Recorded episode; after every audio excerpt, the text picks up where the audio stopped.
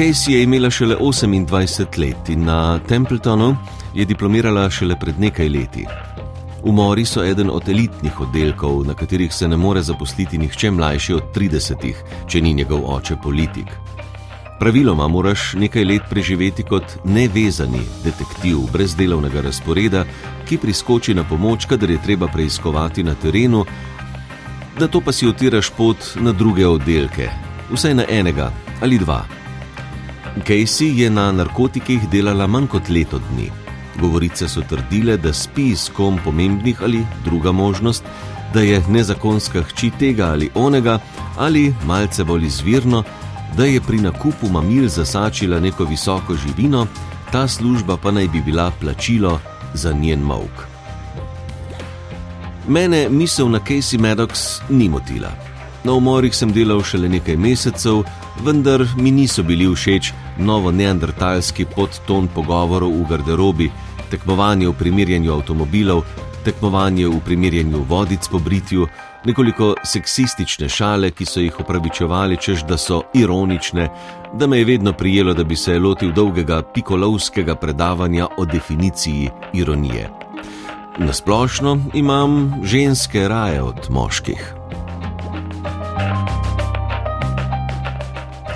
Visoka in temna debla, prepredena s šibko svetlobo. Takšna je naslovnica romana V gozdu avtorice Tane French. Da jo je Barbara Vidmajer prebrala, sem opazila na njenem knjižnem Instagram profilu Barbralnica, kjer redno objavlja prebrane knjige in išče priporočila za nove bralne podvige. Kako oziroma kje pa je izvedela za omenjeni kriminalni roman? Knjigo sem v bistvu zasledila na slovenskem knjižnem sejmu. Tako da je v bistvu dokaj nova zadeva iz konca leta 2022 in me je že sama naslovnica pritegnila, morda na prvi pogled nekoliko podobna uh, romanu Jezero oziroma naslovnici uh, Tadeja Goloba. Prav tako sem dobila priporočilo za branje od bralne kolegice, tako da sem rekla, sploh kot ljubiteljica kriminalnih romanov, da jo moram prebrati. Si pred branjem že kaj slišala o sami avtorici? Pravzaprav ne. Potem šele ob branju sem se malce bolj poglobila, kdo je ta mojstrica e, in gre pravzaprav za irsko pisateljico Tano French. To je bil njen e, prvi roman, sicer jih je spisala v tej Dublin Murder Squad seriji že šest romanov, vendar smo dobili prevedeno slovenščino torej šele letos. Knjiga pa je že v bistvu še nekaj let stara, 2007 jo je napisala. To um, torej pomeni, da se zgodba uh, dogaja kje? Na Irskem, kako bi jo recimo krajevno in časovno umestila? Tako zgodba se dogaja na Irskem, v Dublinu oziroma v okolici, če se ne motim. Gre nekako, saj začetek je tak uh, za detektivko v stilu Agate Kristi, se pravi, imamo umor in iščemo morilca, na to pa se vse skupaj nekoliko zapleta.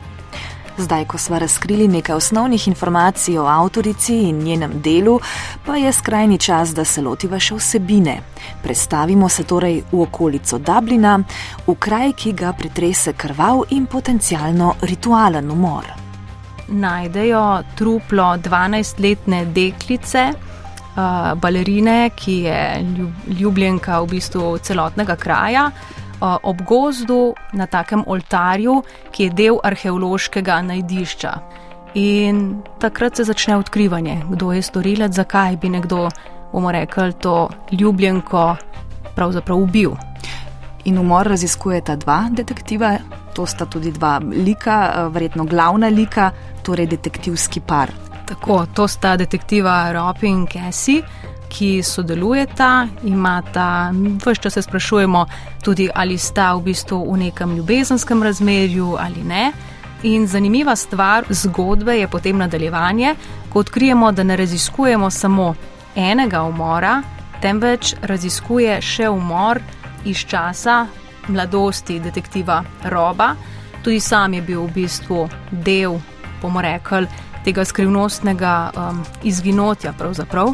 V njegovi mladosti so bili torej trije otroci, ki so se izgubili nekje v gozdu, in izmed vseh treh je v bistvu prišel nazaj samo on, torej ta detektiv, ki pa to v sami, bomo rekli, preiskovanju zamolči, da je bil del v bistvu tega skrivnostnega primera, ki ga niso nikdar razrešili, nikdar niso gotovili, kaj se je pravzaprav zgodilo takrat v preteklosti.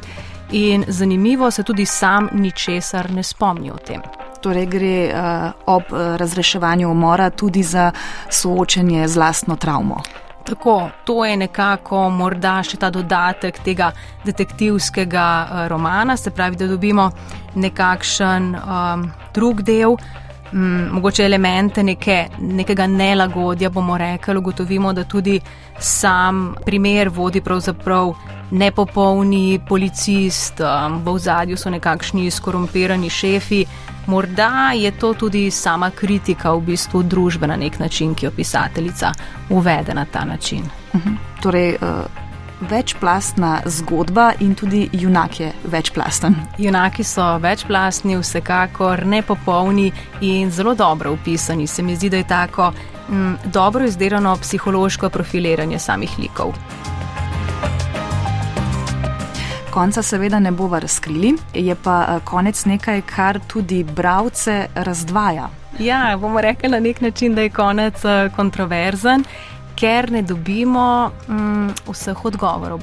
V bistvu en primer se točno razreši, kdo je bil morilec, drug pa ostane skrit v tančico skrivnosti in to nekako nas razdvaja, bralce. Ja, ali si želimo a, zaključkov, ali pa morda tudi to razlago sem slišala, da je tako kot življenje, mm, da marsikaj ostane torej nerazrešeno.